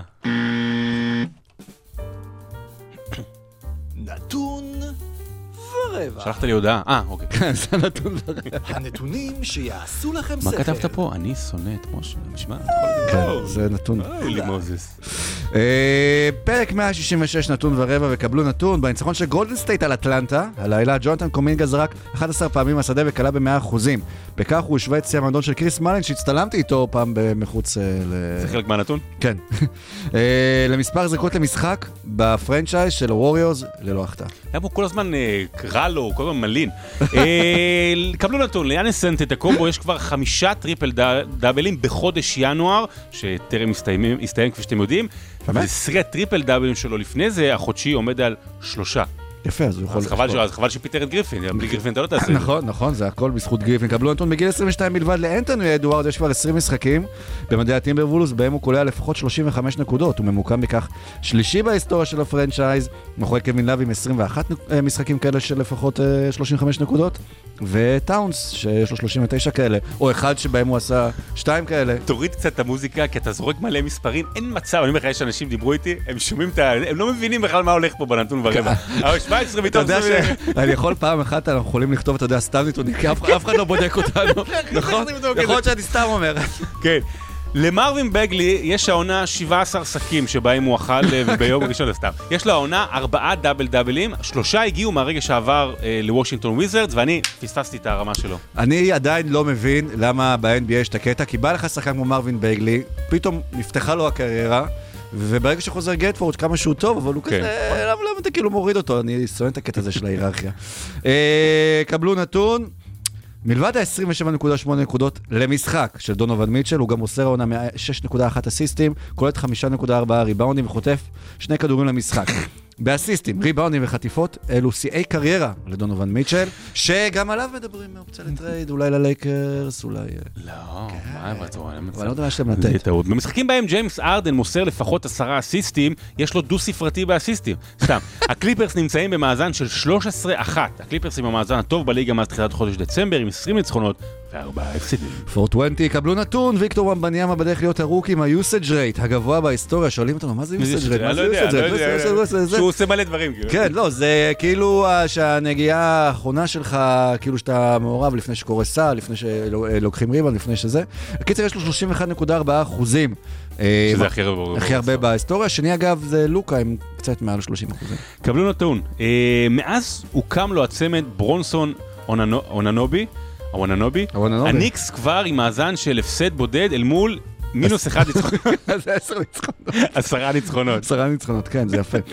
קבלו נתון, העונה ההיסטורית של ג'ואל אמביד נמשכת והוא עולה לממוצע של 1.05 נקודות לכל דקת משחק, הגבוה ביותר בהיסטוריה, אם יישאר ככה. וויל צ'מברלן, שטויות. לא, מה זה יפה, הוא עומד עם זה 1.04 ועדיין את דני אבדיה הורידו אה, לקראת הסוף כדי שלא יעשה טריפל דאבל וייפצע. כן.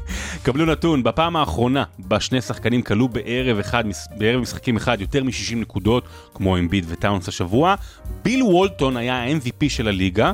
ב-78. ג'ורג' גרווין היה מלך הסלים, ווס אנסלד סיניור היה ה-MVP של ה Finals, ובליגה שיחקו רק 22 קבוצות. היית זכרתי מהזיכרון, יש 78. לא? יפה, יפה. איפה היית ב-78? אה, מה, תזכור. מה, שעשיתי ב-48. כן, מה עשית ב-48? אני יודע שמשה היה בן 4, ב-78? בן 5, 3, סליחה, וחבל. אבל אני לא יודע איפה, זה כנראה בברזיל, לפני שתפסו, אימצו אותו.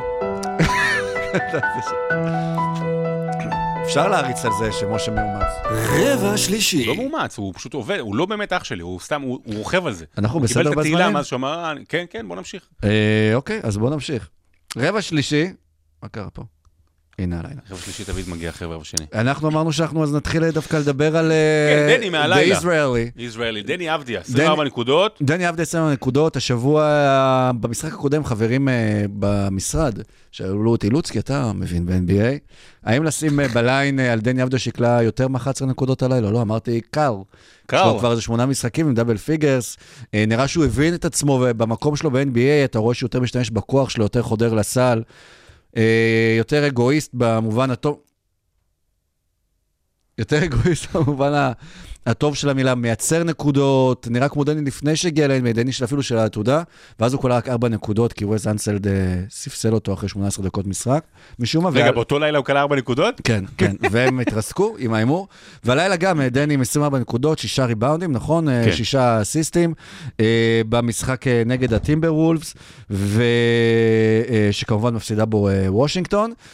אבל הוא נראה מעולה, עושה גם אה, איזשהו ככה, לא בדיוק ankle break לקארל אנטוני כן, טאונס, כן. אבל אה, ככה משאיר אותו מאחורה ותופר שלשה. והשאלה הגדולה, אם בעוד שבוע, עם כל היכולת הטובה הזאת, דני עדיין יהיה שחקן של וושינגטון וויזרדס. אני חושב שכן, אני חושב שוושינגטון אה, רוצה לשמור על הבסיס שלה, יש לה נכסים אחרים שהיא תרצה לזרוק או להעביר בטרייד. שתביא עוד אה, יחידות לשמור על אה, הבסיס. ג'ורדן פול, אני כן רואה למשל, הרבה קבוצות רוצות דווקא מישהו כמו טאיוס ג'ונס. טאיוס ג'ונס, שחקן אה, שיכול וקוזמה מאוד גם לסדר. קוזמה, שמדברים עליו אה, לסקרמנטו אולי. אני לא יודע כמה יש trade appeal, כמו שנקרא לדני אבדיה. הלילה 24 נקודות מול מינסוטה, 4 מ-5 ל-3, 6 מ-6 מהקו, 6 ריבאונדים, 6 אסיסטים. בתשעה מעשרת המשחקים האחרונים הוא קולע ב double figures, אה, והלילה זה היה מרחק נקודה מהשיא שלו. בתור מישהו שמחזיק אותו בפנטזי, לא מכוונות החזקתי, פטריוטיות. לגמרי שחקן אה, מעולה. מה, יש אותו ל-73% משחקני הפנטזי ביהו מחזיקים לא, הוא אותו. תורם, הוא לא מאבד המון, הוא אה, הוא קצת נותן אסל לפעמים. הממוצעים שלו הוא 50% מהשדה. כן, הוא לא- הוא 50% לא הורס, הוא לא הורס. והוא אתה זורק מבין? אה, מעל תשע זריקות למשחק, לעומת- זה כאילו עלייה של כמעט 7% מהעונה שעברה, גם בעונשין הוא יותר טוב. מה שאתה רואה באמת, וגם תראו הלילה את, ה, את המהלכים שלו, אה, קודם כל הסט שוט, זה, זה אם, אם הוא נשאר, אני לא מדבר עכשיו 4 מ-5 להישאר תמיד, אבל אם הוא נשאר כאופציה לכך שאוקיי, לא ילכו רק לקוזמה ופול, ושהוא יעמוד בפינה, כי אולי אל- אליהם ילכו יותר ההגנה, ויזרוק ויקלע 2 מ-4, 3 מ-6, וואו, מדהים, מדהים, 2 מ-5, גם בסדר הוא לא רק עומד, הוא גם הוא חותך, הוא אז, לוקח... היה, אז הוא גם חותך, וזה כספי בזמנו עשה נהדר. נכון. והוא גם יכול את ה isolation, זאת אומרת לעשות לאחד, כמו שהוא עשה לקארל אנטוני טאונס, בהנחה שמשנים. וושינגטון עדיין גרועה, עדיין נראית גרועה, קצת נראית טיפה יותר טובה, ומה שקורה גם, אה, יש כמה שחקנים שם שמתחילים להתפייד, ואז דני נכנס לתוך החור הזה. אה, ג'ורדן פול, הוא ממש ירד בזמן האחרון, וגם זורק פחות, וגם מי שרואה את המשחקים, אז קודם כל תנחומיי, אבל הוא נראה כן, באמת שפחות בא לו. חשק, כן. אז, אז באמת דני נכנס לטופ, אומר, רגע, רגע, רגע, זה לא עובד, זה לא עובד, אז בוא אני אקח על עצמי, מקבל את הביטחון גם, אה, וזה טוב. בעיקר, בעיקר, הכל מתחיל, אנחנו יודעים את הכישרון של דני אבדיה, זה מתחיל מהביטחון שיש לו. אה, אוקיי, הייתי בטוח שהסתכלתי בדיוק... אה, לא, זה עוד- אה, אבל בינתיים. מה שמדברים גם בוושינגטון זה שהשמועה אומרת שמבחינת טריידים, היחיד שהוא untouchable שם זה בילאל, בילאל אה, קוליבלי. מה שאולי גורם אה, להרגיש שכן יש אופציה שאנחנו פה נשב, ואני מזכיר לכולם, וואו, חלום. בשמיני לפברואר 24, שזה קובי וג'י ג'י ו- ו- בעצם שבוע הבא, שוב- יום חמישי שבוע הבא. זה יום חמישי יוצא, כן, בשעה, אנחנו עדיין, אנחנו נפרסם, נתחיל בשמונה וחצי, תשע כן. בערב, ככה לקראת הדדל אנחנו נהיה בלייב. והאם לקראת או בזמן אנחנו נציין את מה שכולנו רוצים, את דני מחוץ לוושינגטון, ואולי בקונטנדרית, כי החוזה שלו, אנחנו אמרנו תמיד שזה חוזה... תוציאו את דני עכשיו. כן. עכשיו תוציאו את דני, בואו נלך לכיכרות להפגין, שהוא שהוא יצא משם כן, עכשיו. כי החוזה שלו מאוד נוח מבחינה כספית, הוא תורם, הוא יכול, אה, כאילו, זה בדיוק כל הדברים שדיברנו על זה, איפה דברים... היית רוצה שהוא ייפול? ברור שבאוקלאומה, שיכול להיות אה, נהדר בשבילו. חלום, מהספסל. כן, הוא לא יכול גם להיות. חמישייה, כן, אני לא. חושב, אה, אני לא הייתי מופתע. ג'יילין וויליאמס שם. לא. ואז זה כאילו מחזק אותם, אה, כן. אבל לא- לא בוושינגטון, אה, זה בטוח. אני הערכה שלי בכל... הבעיה שלו, אוקלאומה אין מה לתת, אין לה בחירות דראפט לתת. יכול לתת מיליון בחירות דראפט, כן. או בקונטנדרית אחרת, אתה יודע, אולי הוא יכול להתגלגל, השאלה מי יכול לתת, אולי יכול להתגלגל לדנבר, יכול להתגלגל לדאלאס. עכשיו גם כל השמועות בגלל שיש את מרים מדלסון, כי לא. ישראלית ומתן מדלסון ומק... שלא יבוא לשם, כאילו, שלא יבוא למשחקים של דאלאס כאוהד, כי אחרי זה יעיפו אותו. כן, אז קיירי קיירי, מעיף אוהד, יוציא אותו מהאימון. מעיף מי. זה התומך הזה? עוד אפרופו ליגה של שחקנים, גם, ת- אני מקווה תפסיקו שימצא את המקום שלו, בכל מקרה נראה ש... אם הוא לא ילך לקונטנדרית, לפחות שילך לקונדטוריה, שאין קצת, יש בוושינגטון שכונה יהודית. כן, בטוח. בטוח, אני מניח. כן, כן, יש הרבה דיפלומטים. בכל מקרה, אה, זה... לכל מי שדואג לגביו, זה נראה שאת החוזה של ה-55 מיליון דולר הוא לא יסיים בוושינגטון, ככה מרגיש לי, וזה נראה שדני, ודיברנו על זה מתחילת הקריירה שלו, מתחיל למצוא את המקום שלו בליגה, וזה היה אולי הכי חשוב בשלב בעונה הרביעית, שהוא הימר, כן, הוא כן. לא בדיוק הימר על עצמו, לקח את החוזה ובצדק, לפני תחילת העונה, בניגוד לכספי, שתמיד בשנת חוזה היה נפצע ואז היה מפסיד את הכסף הגדול, אז אולי הכסף הגדול יבוא אחר כך. אבל נראה שדני מצא את המקום שלו בליגה, והוא תוקע יתד אה, בליגה, והוא מבין מה צריך אה, לעשות. אה, אני תמיד אוהב להשוות את זה לג'רמי גרנט, שבעונה הרביעית שלו פתאום התחיל אה, בדנבר לפ- להפיק מספרים ולהיות, לא יודע, סוג של כוכב, אבל שחקן שמרוויח כסף ומספק נתונים. מאז הוא הסתובב בקבוצות חלשות והמשיך לספק נתונים, אבל הרבה הצליחו לספק כן. לו כסף, שזה הדבר החשוב. אה, ובמשחק עליי דני פוגש את קרל אנטוני טאונס, שמינסוטה אחת הקבוצות החזקות בליגה, אה, לא יודע אם להגיד מפתיעות, אבל אולי מפתיעה בתור אה, מישהי שנמצאת הרבה זמן בטופ בתור קונטנדרית, קצת קרטעה במשחקים אה, האחרונים, אה, אבל טאונס במשחק האחרון שלו, 60 אה, נקודות. 62, שיא קריירה. 62 נקודות, עם 10 שלשות, רק שחקן אחד עשה את זה, העונה שזה דמיאן לילארד, אבל הוא הראשון הסנטר שעושה את זה, והוא התחיל את ה... מפסידים. ומפסידים. והוא לא משחק בסוף גם, למרות שהוא קולע 62 נקודות, זה היה אחד באמת, הוא היה עם 44 במחצית. קובי אני- קלע... אני מו- אני מוריד כובע בפני פינץ', המאמן של מינסוטה. הוא קלע 44 נקודות במחצית הראשונה, באמת, הוא היה, ב- היה לו 6 מ-7 ל-3 במחצית הראשונה, משהו פסיכי, ממש לא נורמלי. ראית שהולך לו כל דבר. במחצית השנייה, רבע שלישי הלך לו טוב, ורבע רביעי, מי שראה את המשחק, הוא... אתה לא ידעת, היה, הייתה תחושה שהוא מנסה לשבור את השיא שלו. והוא מנסה כאילו להעלות את הרף, כאילו שהוא משחק בשביל עצמו, לא, אני לא אגיד משחק בשביל עצמו, אבל כן יודע מה הנקודות שלו ורוצה פה לשמור, לשמור איזה, לשבור איזשהו שיא, לשחק אה, אה, בשביל השיאים האישיים. ואז פינץ' מחליט לה, להוציא אותו, כי באמת גם ההגנה שלו לא הייתה טובה, וגם, ה, ו, ו, וגם הוא כל פעם הלך ראש בקיר. מנסות בסופו של דבר מפסידה, ואני חושב שזה איזשהו משבר ראשון שיש למנסות העונה, גם מול אה, אנטוני טאונס על המשחק הזה, אה, על ההופעה שלו. אם הם יצליחו לעבור את זה, ואני חושב שהם יצליחו, יש שם מספיק עומק, יש מספיק גם אה, שחקנים מנוסים, הם, הם באמת מראים, אוקיי, אנחנו צלחנו את זה, אנחנו יכולים אה, להגיע רחוק. אוקיי, ובמקביל ל-62 נקודות, אז 70 נקודות אה, של אה, ג'ואל אמביד, שבכלליות הוא בעונה היסטורית, הוא נראה לי מאז דצמבר על איזה ממוצע של מעל 40 נקודות ו-12 ריבאונדים אה, למשחק. שחקן שכן גם משחק בשביל המספרים, כי אנחנו רואים הרבה פעמים שהוא נשאר למגרש בשביל להגיע ל-30-10, ובמפגש הזה הוא פוגש את ומבי, אז אולי הוא רצה קצת יותר להוכיח, להראות לו מי שולט בליגה. השאלה, שוב, ג'ואל דוהר ל-MVP שאולי יגיע לו גם יותר העונה. לעומת העונה שעברה, שלא נתנו ליוקיץ' את זה, אז עכשיו קשה להגיד שלאמביד לא מגיע. אבל אתה יודע מי השחקן האחרון שלקח גם MVP של עונה סדירה וגם MVP של ה finals? התקיל את זה, התקיל אותי חברי היקר אור עוז בשאלה הזאת. אה, מייקל? כן, לברון, לברון ב- לברון ב-2012. במיאמי. במיאמי? לא, הוא לא היה 2012, כן, הוא לא, הוא היה, כן, הוא היה MVP. זה היה במיאמי, כן, כן, ומאז זה- זה לא קרה, אז אולי הדהירה של... אה, של אמביד לשם היא לא אה, נכונה. תראה, יש, יש את הליגה זה מרגיש כאילו, אבל ממש אמביד מוכוון השנה, כאילו הראש שלו לא בפלייאוף, הוא ברור- חייב להיות בפלייאוף. ברור, כן, לא, ברור שבפלייאוף הוא יצטרך לשנות פאזה, אבל כאילו הוא מורג- מורגש... אגב, אתה יודע מה, אולי אני מעריך את זה, כי אנחנו כל פעם אומרים על השחקנים שמזלזלים בעונה השדירה, אבל הוא מאוד רוצה להוכיח מבחינת נתונים, והוא מאוד מוכוון מספרים בעונה הזו. נכון? אה, אולי כי הוא לא מרגיש שהוא הולך לקבל עוד פעם MVP והוא רוצה להוכיח שמגיע לו. אבל זה לא על חשבון הקבוצה. כן. אה, סיקסרס, שישה ניצחונות רצופים, גורם גם לשאר השחקנים אה, להיות טובים יותר. סגל שהוא יחסית מצומצם, אבל אה, אתה יודע, הוא, הוא, הוא דוחף את הקבוצה הזו קדימה, מקום שלישי כרגע במזרח. בסוף, בסוף, אה, הקריירה, המורשת של אמביד, גם אם הוא יזכה עכשיו ב-MVP, כן או לא, היא, היא תימדד על פי הפלייאוף, כי עדיין לא ראינו את ה... את האמביד הזה, לא מדבר איתך 70 קודם בפלייאוף, אבל את האמביד הזה של שלושה, ארבעה משחקים רצוף בסדרת חצי גמר מזרח, אה, אתה יודע, להגיע רחוק, לא ראינו אותו לאורך זמן.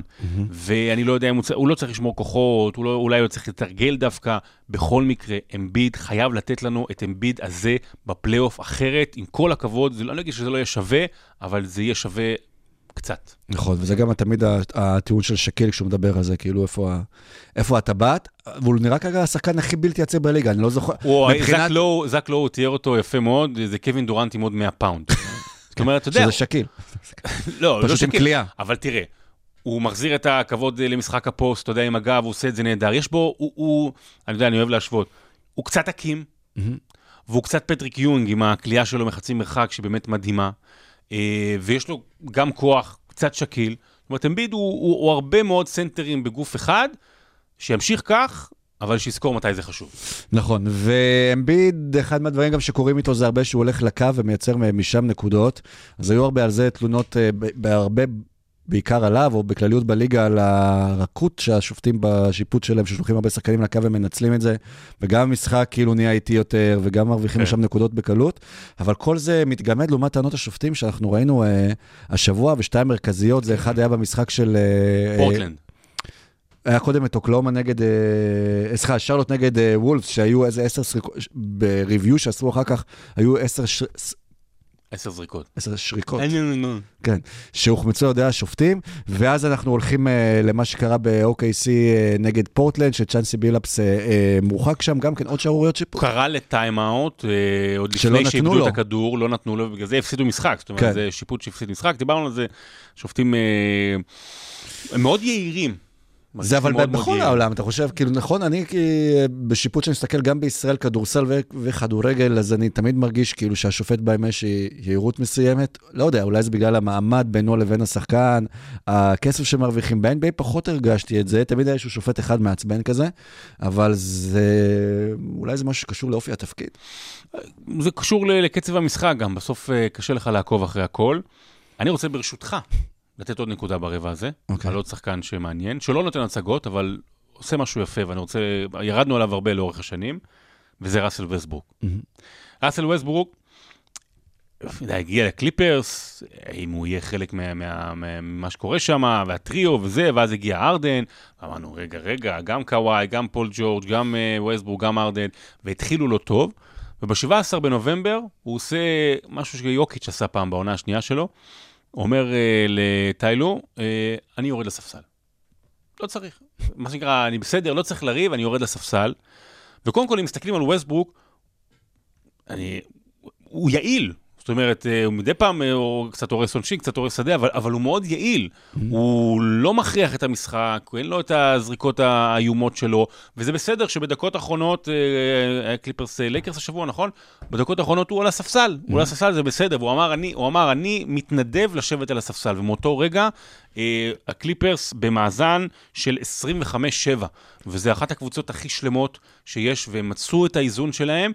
אני לא אגיד שזה הוא וזה בגללו, אבל לפעמים, לפעמים אתה צריך, כדי להשלים את הפאזל, אתה צריך רגע להוציא חלק אחד, ואז להמשיך לבנות את זה במקומות אחרים. יכול להיות שזה סיפור קלאסי של אה, ראש לשועלים מאשר זנב לאריות, כי הוא מבין שהוא לא יכול גם לבוא לידי ביטוי בחמישייה עם כל כך הרבה כוכבים, ומה שהוא התרגל עליו באוקלאומה, וגם בשנים אחר כך זה שהוא רץ, מנהל את ההתקפה ומסביב, אה, אתה יודע, יש לו צוות אה, צמיחה, צוות עזרה, ובגלל זה בסקנד יוניט הוא מרגיש שהוא יותר יכול להיות הראסל ווסטברוק, רק הוא יודע עדיין את מעמדו אה, בקבוצה, שהוא לא צריך הוא- שוב, יכול להיות שזה דברים שהוא עושה לבד עם עצמו בטיפול, שהוא לא צריך אה, אה, להתחשב בכוכבים הגדולים, והוא הכוכב הגדול שנמצא שם, אבל באמת הרבה הערכה. אה, הרבה הערכה, אז אז לפחות משהו. אחד אה, ניתן כן. אה, מילה טובה לווסטבורג, אחרי זה נצחק כן. אתם רואים, אנחנו יכולים גם לתת מילים טובות. תראה, בלי משה, תראה כמה מילים טובות אנחנו וואו, אומרים יפה. אתה לאנשים. רוצה לפרגן לעוד מישהו סתם? לסורוקה. כן, אני גם אשמח לפרגן. ללוצקי. כן. לעצמי, לעצ- אבל לא למשה.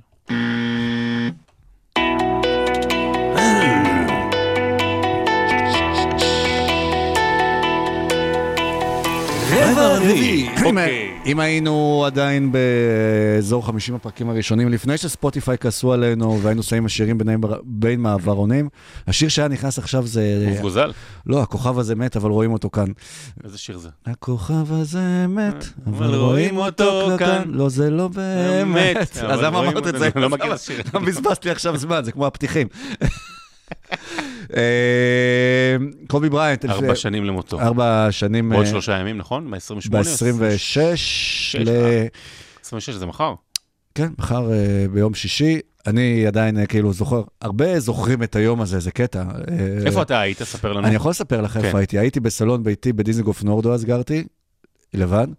אה, באו אליי חברים לראות את הדרבי התל אביבי, כי חבר אה, טוב שלנו, אה, שהוא גם מאזין לפוד, ברק לדר, שהוא היום עוזר מאמן הפועל תל אביב, גם אז הוא היה עוזר מאמן הפועל תל אביב, ונראה לי, גם אז, לא זוכר מי היה מאמן, שרון אברהם ודני פרנקו היו מורחקים, והוא קיבל לאמן את הקבוצה בדרבי, פעם ראשונה שהוא על הקווים בליגת היה העל. דרבי לא מכבי נגד הפועל ירושלים? מכבי- סטודמאייר, לא? אה, סטודמאייר היה, אני חושב... שראיינו אותו במחצית, משהו כזה. כן, על קובי וזה, ובאנו לצפות, ואז יצא... לא יצא, לקחתי את הטלפון להסתכל עליו, אה, סתם להתעדכן, פתאום אני רואה מלא הודעות, זה נכון, זה נכון, זה נכון, זה נכון, זה נכון. כי גם ידעו שאני אוהב את, אה, את קובי ולא הבנתי מה, ואז התחילו לצאת כל הידיעות, ה... אה, בהתחלה זה מאוד, אה, קובי בריינט מת, כאילו, בהתעסקות מטוס 41, וכאילו לא הבנתי מה, מה קורה, ואז כל המשפחה שלו נספתה, כל הילדות. בהתחלה אמרו כל המשפחה, היו מלא שמועות כן. וזה, ואני פשוט הייתי לבד, חברים שלי לא קלטו למה אני לא מתקשר איתם. אה, ואז התחילו להגיד את זה גם בטלוויזיה, ואני זוכר שהקהל של מכבי והפועל התחילו להריע לקובי וראיינו באמת את, את המערב, וחיכיתי שהחברים ילכו כדי לעכל את מה ש, ש, שאני קורא, זה היה ב... שם הכל בפרופורציות, מן הסתם, אתה, אתה יודע היום, שעכשיו כן. אנחנו מקבלים את כל ההודעות, ההותר לפרסום בבוקר, זה לא משתווה לזה, אבל זה כאילו בסוף השחקן שבגללו אני, לא בגללו אני אוהב NBA, אבל אה, שאחרי הייתי מחובר דרכו למשחק, כי ליוויתי אותו מתחילת הקריירה עד לסופה, עדיין מגן עליו עד היום מול, אה, מול איפה מול- ש... עם כל הקוביסטים, איפה שצריך, וסופג הלברוניסטים. וסופג על זה הרבה אה, רעש. וזה היה שוק, ואז דיברנו, אתה שלחת לי הודעה, מה- בוא נעשה ואמרת, מחר פרק. בוא נעשה, ובאמת אה, עשינו ב... אה, אם שמעתם מתחילת הפרק, אז בפרק 81 של בשירות אה, עוד אה, מלכותה. כן. ואני זוכר גם בפרק הזה עצמו, שהייתי, הגעתי בשוק, כי גם לא ידעתי איך זה עובד פודקאסט, אבל כאילו... דיברנו על ה- לא, על החיים שלו לא ועל ידענו הקריירה מה שלו. לדבר, ו- וזה היה התרפי הכי טוב בשבילי, כי אני זוכר שיצאתי מהפרק והתחלתי ללכת ברגל, כי uh, לא מצאתי מונית, והגעתי אפילו עד איזה אזור צמרות ברמת השרון, איפה שהגולפיטק שם, ושם כאילו עצרתי רגע ובכיתי, כי כאילו פתאום כאילו הכל השתחרר לי, כאילו אז הבנתי, כי הראש שלי היה בתוך הפרק ולהתכונן. וזה היה בשבילי תרפי, ו- וזה- ואני מאזין לפרק הזה גם כמה פעמים, יוצא לי, אה, כשאני באימון, בעיקר בריצות, כי זה, לא יודע, זה מדרבן אותי כאילו לדבר על אה, קובי, וזה כאילו, זה פרק הזה זה אחלה תרפי בשבילי, אז תדע, אז תודה, כאילו שאתה כמו פסיכולוג שלי נשים, פעם. בוא נשים ב- לינק, אה, בוא נשים לינק, אנחנו נשים ל- לינק. ל- לפרק הזה בפוסט של היום, שמי שירצה ישמע. וארבע שנים אחרי, אז בדיוק זה גם בסמיכות מאוד גדולה, גם למשחק של קובי, שהוא כלה 81 נקודות, זה היה 18 שנים, שזה חי, אבל קובי מת. ככה שנשמור עדיין על זה. שני שחקנים בליגה קולים, אה, בטוח שהם 70, רצו, 62, חשבו כן. על זה בהקשר של התאריך, כי זה מה שעושים בין 62 של קארל אנטוני טאונס ו-70 של אמביט, שגם מקדיש לו את זה בפוסט, וכמובן אה, אמביד בפילדלפיה, וקובי הוא יליד פילדלפיה, וכל הסיפור מסביב. וכל הסיפור של הדור הזה של הכוכבים ב-NBA בסוף זה דור שגדל על קובי בריינט. Uh, הדור הקודם הרגשנו שהוא גדל על, אה, על מייקל ותמיד ניסו להגיד כמה הוא השפיע עליהם. אני מניח שהדור שאנחנו נראה מה, בעשור הבא, uh, בוא נגיד מ-2030 והלאה, אה, זה יהיה דור שגדל על לברון ג'יימס וינסה להשוות, למרות שלברון הוא עדיין שחקן שקשה להשוות את עצמך אליו, כי אין לך את הפיזיות. או, שוב, אני לא אומר את זה עכשיו בשביל בקטע של אה, לברון נגד קובי, יש, היה בו משהו מיוחד באהבה לכדורסל, בחיבור שלו לשחקנים הצעירים, באתגרים שהוא היה מציב להם, אה, לדברים שהוא רוצה להשיג, וזה בא לידי ביטוי אה, בדור הזה, עם טייטום אה, שעשה איתו אימונים אישיים, ומאוד מכבד אותו, והולך גם אפילו עם ההדבנד או הנדבנד של, אה, של קובי, וקיירי שהוא אימן אותו, ויאניס שהציבו את אתגרי ה-MVP והאליפויות, ועכשיו גם אמביד עושה את זה. קובי בריינט הוא אחת הדמויות המרתקות ביותר בעולם ה-NBA, אבל האמת גם אחת הדמויות המרתקות ביותר אפילו בהיסטוריה של הספורט. ניכנס אחר כך ל- ל- ל- לדירוגים ומה מה היכולת שלו ופה ושם ודברים כאלה, אבל מעטים האנשים שהשפיעו על המשחק מסביב, כמו קובי בריינט, אה, לטוב ולרע, ו- ולמעלה ולמטה, וממזמן ועכשיו. וקובי בריינט הפך להיות אחת הדמויות הכי יצריות בכדורסל. זאת אומרת שהוא... או שאתה אוהב אותו, או שאתה שונא אותו, או שאתה בעדו, או שאתה נגדו. אתה לפעמים, בשנה מסוימת אתה אוהב אותו, ובשנה אחרת אתה שונא אותו. זאת אומרת, הייתה לו את ה... אמ, היה לו את סיפור החיים, שבאמת הוביל אותך להמון המון מקומות איתו, ובכל מקום איפה שהוא פגשת אותו, וזה, וזה לפני הכל. זאת אומרת, אם מישהו רוצה להבין, גם אולי טיפה מה ההבדל, לברון גם ואחרים, אבל מה ההבדל בין קובי בריינט לבין כוכבים רגילים אחרים היום, יותר טובים, פחות טובים, בסוף היה משהו בקובי בריינט עם העליות והירידות והצניחות ודברים אישיים ודברים רעים ודברים טובים, ואחרי, וגם המוות, כאילו, מה שנקרא, אם היית אם חלילה היית אומר לי, רגע, תהמר, למי יהיה מוות טרגי מכל כוכבי ה-NBA, אז אפשר היה להמר על קובי בריינט במובן הזה של יש איזושהי עילה סביב הבן אדם הזה, שכל רגע בחיים שלו זה סיפור, mm-hmm. סיפור של פרק שלם. ובשנים שאחרי, העילה שלו הלכה וצמחה, וזה קורה הרבה הרבה גם הודות לדור האינסטגרם והטיק טוק, ויש איזושהי יכולת, ל, ל, יש משהו בפרפורמנס שלו, והפרפורמנס שלו כולל גם את המשחק, אבל גם את השואו למצלמה, גם את, אתה יודע, את החולצה. יש משהו ב performance שלו ובמילים שהוא אמר לאורך השנים, גם כששיחק וגם אחרי, שזה תפור לחצי דקה-דקה של הטיקטוק. Mm-hmm. ואתה רואה סרטונים שמאדירים ומהללים אותו. והוא מדהים. ואני מכבד כל אחד שאוהב אותו, ואני מכבד כל אחד שחושב שהוא, שהוא שחקן עילאי, כי באמת קובי בריינט הוא top 10, top 11 של כל הזמנים, זו דעתי, ואני חושב שגם הרבה אחרים אה, ככה שהם מנסים להיות אובייקטיביים. שתי דברים שמפריעים לי עם הזמן שהלך עם קובי בריינט. יש איזו האדרת יתר. השבוע פרסמתי, שיתפתי מהטיקטוק, ראיתי, אז זה גילברט ארינאס, אז בואו, זה לא, לא להתעלות על אלברט איינשטיין, אבל, או על שמברוסקיה, אבל, אבל גילברט ארינאס אומר, מה, תראו את מייקל, הוא היה, היה לו ניתור מטורף, והוא היה, היה לו ידיים גדולות, אז הוא מפלצת. ולברון הוא מפלצת, ושאקיל הוא כמובן מפלצת, כאילו יש הרבה, עוד הרבה כמו שאקיל, אבל קובי היה סטנדרט. קובי לא היה סטנדרט. קובי היה מטר 98, שני מטר, קובי היה עם ניתור מדהים, זכה בתחרות ההטבעות, היו לו דנקים מדהימים. יותר מהיר, פחות מהיר, אני, לא, אני לא, לא יודע, אבל הוא לא היה ג'ון סטוקטון, הוא גם לא היה סטף קרי, הוא לא היה מקסי בוקס, mm-hmm. אוקיי? הוא לא היה סטנדרט. לא צריך לנסות לשקר. במובן הזה קובי בריינט היה ה copy של מייקל ג'ורדן, ו copy במובן הכי אה, חיובי של המילה. כולם ניסו to be like Mike, קובי בריינט היה like Mike. לא, לא אותו דבר, אבל like, דומה אגב, אני. אני הייתי מעדיף, כאילו, אם אתה זוכר, את, אם זוכרים את קובי, אז באמת, כמו שאתה אומר, דווקא לא להגיד שהוא לא היה משהו מיוחד וזה. המחמאה הכי גדולה זה להגיד שהוא היה בדיוק כמו מייקל ג'ורדן. לא להגיד שהוא היה פחות טוב, זה, זה להפך, זה יותר מאדיר הוא, אותו. לא, שהוא ניסה, זה שהוא, הוא, ניסה לחקות לצורך אותו. והוא, הצ- והוא הצליח, זאת אומרת, הוא היה קרוב לזה, אנחנו אומרים, אנטוני אדרס, אדוארדס, סליחה, דומה במהלכים, קובי ממש חיכה אותו. ו, ו, ו, ובאמת, עוד פעם, אנחנו, אני לא אכנס למספרים, בטח לא ארבע שנים לזכרו, אבל קובי בריין נתן לך את התחושה שהוא הווינר הכי גדול שיש. מספרים יגידו אחרת. הוא נתן לך את התחושה בראש, לא משנה מה אתה זה, בראש ובלב בעיקר, שישאלו אותך, מי אתה רוצה שהכדור האחרון יהיה אצלו, אתה תגיד קובי בריינט. ואני מתחבר לזה, כי אתם אומרים לעצמכם, אוהדי קובי, וגם אני אה, מאוד מכבד אותו, במובן הזה של, לא אכפת לי מה אתם אומרים, אני לא מסתכל על המספרים, אני מסתכל על הלב שלי, ובלב שלי זה קובי בריינט. ואני רוצה עוד נקודה אחת, ש... שאולי אפשר לדבר עליה פה. אתה יכול 81 נקודות גם. אמ, אני רוצה לדבר על, על, על, על מורשת אחרת שקובי בריינט ניסה, ואני לא בטוח שזה ה pod המתאים לזה, אה, אבל טוב שמשה לא פה. יש את סיפור האונס. סיפור האונס אה, שנפל, אה, כי נפלו האשמות, בוטלו האשמות. משפט מאוד מאוד קשה, עם האשמות קשות מאוד למתלוננת. היה הסכם שהוסכם בין השניים, סכום שהוא שילם לה בסופו של דבר, שאסור לדבר על זה, והוא גם לא דיבר על זה אף פעם. אבל בין השורות, היה נדמה שהוא כן הבין שהוא עשה משהו לא בסדר. זאת אומרת, במקרה הכי טוב, הוא... הוא עשה משהו שהיא לא הסכימה איתו. זאת אומרת, במקרה הכי טוב, גם אם לא הייתה שם אלימות ואונס פארקס, אה, לא, לא רוצה להיכנס לזה יותר מדי, אבל היה שם משהו שהוא לא בסדר, ואני חושב שלאורך השנים קובי הבין את זה. וקובי, סליחה, קובי ניסה, אני חושב ש... אני, אני, אני, אם אני מסתכל על קובי, אני חושב שהוא ניסה לאורך השנים, בתוך תוכו, במיוחד דווקא אחרי שהוא סיים את המשחק בשנים האחרונות שלו, לתקן את זה, במובן מסוים. כל הדחיפה שלו והחיבה שלו לספורט נשים בכלל, ובמיוחד לכדורסל נשים. גם נולדו לו חמש אה, אה, בנות. כן, אבל לא התכוון לזה, אבל חמש בנות, זאת אומרת, אולי, כן. לא, עם הבנות, הוא גם, מבין יותר את הטעות שהוא עשה כנער, כבחור צעיר, בתקווה שזו באמת הייתה הפעם היחידה.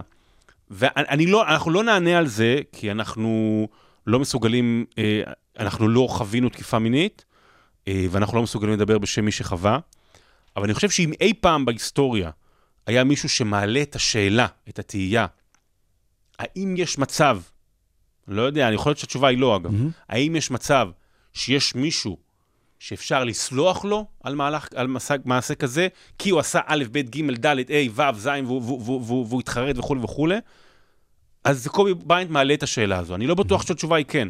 קובי בריינט, אם המק- המקרה הזה היה קורה בשנים האחרונות, הוא, לא, הוא היה מסיים את הקריירה. זאת כן. אומרת, אין בכלל ספק. לא, לא, לא, זה, זה, זה, הוא, הוא עשה את זה ב, בעידן אחר, אם הוא עשה, לא ניכנס לזה.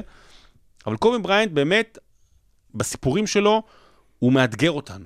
הוא, מאד, הוא אתגר את מייקל, הוא מאתגר את האהבה שלנו לכדורסל, הוא מאתגר תפיסות שלנו, כמו שדיברתי על זה לפני רגע, ואם יש משהו אחד שצריך להוריד בפניו את הכובע, בפני קובי בריינט, באמת שהוא גרם לנו לחיים הרבה יותר מעניינים. אה, זה נכון, מתי יהיה ספר עליו? לא יודע מה הספר עליו, אבל אה, אולי נעשה... של דירוג הרגעים של קובי, ככה לפחות יהיה גם ראשון. מה השתנה בשנים האחרונות? לא, למה שהיה לפני כן. אה, אני מאוד מתחבר למה ש... אני רוצה להתייחס למה שאמרת. הנקודה הראשונה שאמרת על קובי, אה, אני חושב שהצגת את זה מאוד יפה, ואני אחתוך אולי את הקטע הזה לדיונים שיש לי עם אנשים על קובי. אני בטוח שלא. אה, לגיונים, כאילו, כי בסוף לא חותכים שום דבר. לא, כן. כן. לא- איפה, מישהו פה יכול לחתוך לנו? כן, כן, לחתוך זה במזוודות אה, בירקון, אבל... אה, אה, כי תמיד איכשהו הדיונים שלי על קובי עם דור, בוא נגיד, יותר צעיר אה, מ- ממני, ואל מול לברון, לא משנה, הם, אתה יודע, ויכוחים שתמיד יהיו על מי זה. וכיף. זה בא מול אה, מספרים של אחד, שברור, כאילו, שנים, קריירה, הכל, שהוא מעל אה, קובי, זה גם לא יכול להיות לברון, לא משנה. עכשיו, וזה? אוקיי, וקשה להסביר מאוד את קובי, אלא אם כן ראית את זה, כמו שאתה אומר, אה, בעיניים, והתחושה, בטח אם אני גם אוהד אה, לייקרס ואוהד קובי בריינט, באמת, כמו שאתה אומר, התחושה של הביטחון, שהוא אה, נוסך בך, נופך בך, לא יודע, מה, מה המילה הנכונה? נוסך. נוסך. לא נוסק ולא נופך, נוסך. הלחמה.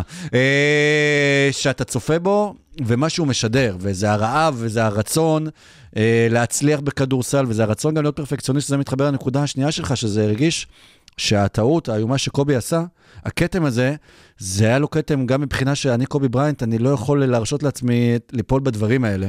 ואז מאוד היה חשוב לו גם כן אה, לתקן אחר כך, כי הוא, זה הוא. רוצה להיות הכי טוב במה שהוא עושה. והוא- אבל, זה, אבל, אבל חשוב לדעת את הסיפור של קובי בריינט, אני אגיד לך למה.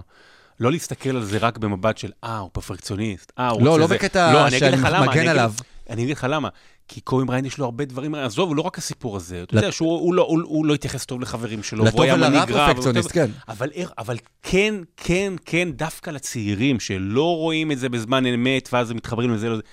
לדעת את כל הסיפור, לראות את השינוי שהוא עשה, משחקן שלא הזמין את החברים שלו מהקבוצה לח, לחתונה שלו, לשחקן שהפך להיות המנטור לשחקנים צעירים, שהוא, ו, ופתאום איש חברתי נורא, ועוזר להם ב-SMSים. זאת אומרת, הטרנספורמציה הזו, כן, אנשים יכולים להשתנות. וקובי בריינט השתנה לנו כל הזמן מול העיניים. כן, ובסוף שחקני הכדורסל של הליגה, שזה גם מתחבר לנקודה הראשונה שלך, למה שאתה מרגיש אה, כשאתה רואה אותו, הסיבה שאני חושב שהם מאוד מתחברים אליו, שוב, זה, זה לא שהוא היה בעל יכולות אה, ייחודי אה, ב-NBA, פשוט הוא היה טוב במה שהוא עשה, ואתה ידעת כמה קשה הוא עובד בשביל זה, ובסוף שחקני כדורסל, מי שבתוך הבועה הזו, גם אלה שבאו אחריו וגם אלו שבאו לפניו, ובעיקר מישהו העתיק ממנו, שאמר שהוא היה מייקל. האח הקטן שלו, מייקל ג'ורדן, שהוא ראה את, והוא העריך את זה, אז בגלל זה מאוד מתחברים אליו, ואולי יכולים להתחבר אליו יותר משחקנים אחרים, והם רוצים לחקות ולהיות כמוהו, כי הם רוצים את ה killer instinct, ה Mamba mentality שהוא יצר בעצמו, את ההגדרת יעדים והעמידה במטרות, שהוא גם לקח את זה ממייקל ג'ורדן, ששאלו אותו פעם איך אתה מדרבן את עצמך לפני משחקים, הוא אמר, היום אני מחליט שאני חוטף חמישה כדורים, זה אמר עליי פעם אה, לפני זה, זה בכתבה בעיתון שככה, וגם קובי מצא את הדרבון הזה, ושחקנים בעונה של 82 משחקים, שהיא לא כזו חשובה, וצריכים כל פעם למצוא את הדרבון, מה ההישג שאני רוצה היום כדי שאני אצליח במשחק הזה, אני חושב שהם למדו מזה הרבה מקובי, וזה דור וימשיך הלאה. דור ודור ודור דוידוביץ', יסיים את ה... היה לי פעם אה, דרבון ברגל, בכף רגל. אה, זה בעיה. גם מה זה גם. בדרבונים, לא? פרק, איך עשינו. את זה? נתנו להם בראש, עשינו לבד. את זה. אה, אז עד כאן פרק 166 של עושים NBA. אני לא מבין מה קורה. בפרק אה, 167 אנחנו ניפגש בשבוע הבא. ונבוא, אה, כולן, כולם באים. לא, ב-160... למה אתה 167 פותח יהיה... את החגורה? לא, אני סוגר דווקא, הייתי פתוח כל הזמן. אה, כן. 167 יהיה את ה trade לא, דדליין. 167 זה שבוע הבא, עדיין לא ה trade deadline. ביום חמישי הבא. זה חמישי הבא? ביום חמישי הבא. 167. 157. ה trade deadline יחכה לכם בשבוע הבא. מושי יהיה פה, סורוקה יהיה פה, אני יהיה פה, פה- ושיראל. ואנחנו מקווים שיהיו דברים מעניינים. תודה רבה שהייתם איתנו, אה, בשורות אה, טובות, שקט, ומקווים שחטופים יחזרו אה, במהרה. אנחנו מחכים להם פה. שמשה לא יחזור. זה שבוע טוב.